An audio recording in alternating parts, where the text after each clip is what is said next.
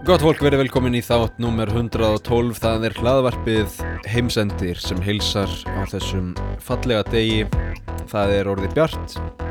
Hér í Sapporo er náttúrulega búið að vera bjart. Uh, Sapporo er á fjör 44. breytagráði held ég á lurglega sem þýðir að við erum alveg með 21-2 gráður á Ísland. Uh, veturinn hér er bara bjartur og, og heiðskýr og sólríkur En mér skilst að Íslandi sé líka orðið bjartara en áður og það er jákvægt. Ég ætla að fá mér vassopa.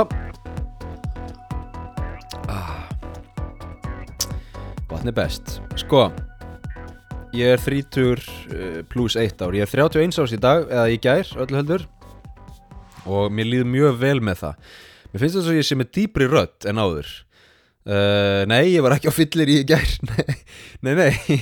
Ég, hérna við bara fengum okkur sushi og uh, ég fór í sánuna og, og kallt bað og, og hérna mér leiði bara mjög vel, ég horfði á reyndar kláraði ekki myndina hún, hún klárast í kvöld, við horfðum á The Favourite með uh, Emmu, Emmu Stone og uh, Olivia Colman og leikstjórin heitir Jorgos Giannopoulos, ég veit ekki hvað, na, hvað hann heitir fullu nafni en þetta er grískur gaur, Jorgos og er að gera það gott þessa dagana. Þannig að mér líður vel, mér líður mjög vel að vera orðin 31 á skamall og uh, sonur minn Emir er þryggja mánuða uh, og kona mín er þrítug og, og hérna tengda mamma mín er sjötug og, og, og svona mætti lengi telja. Um, sko ég, hérna, ég veit ekki, ég er, bara, ég er bara að bladra af því ég er að reyna að forðast að fara inn í þennan þátt. Það er uh, góð ástæði fyrir því þessi þáttur er ógeðslegur og viðbjöður og það er kannski rétt að taka smá viðvörun hérna í byrjun. Það er uh, í þessum þætti verið fjallað um morð og titlinum samkvæmt mann átt kannibalisma sem er viðbjöður uh, það er líka fjallað um kynferðislega glæpi og nauðgun. Þannig að fólk getur haft það í huga að þetta er erfiður þáttur. Uh, við skulum hafa hann bara stuttan ekki laggóðan en stuttan kannski.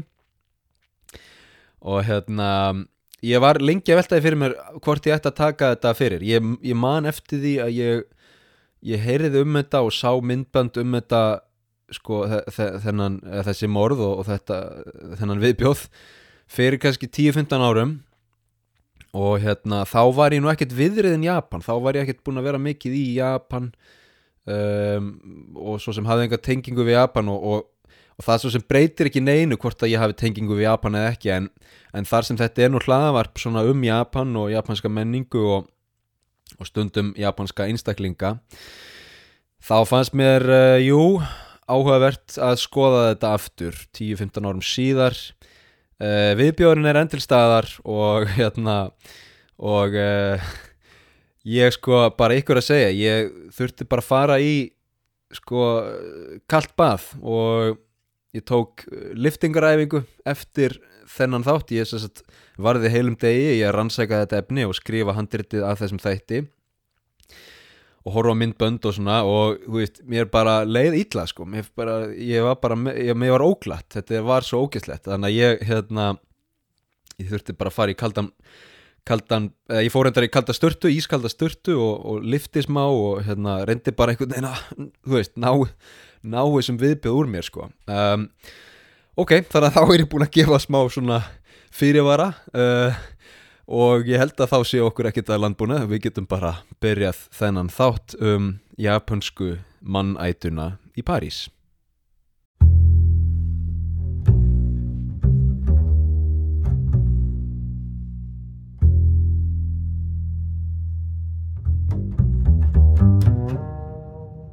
Þann 24. november árið 2022 lést japanskur maður úr lúnabólgu á spítala í Tókjó.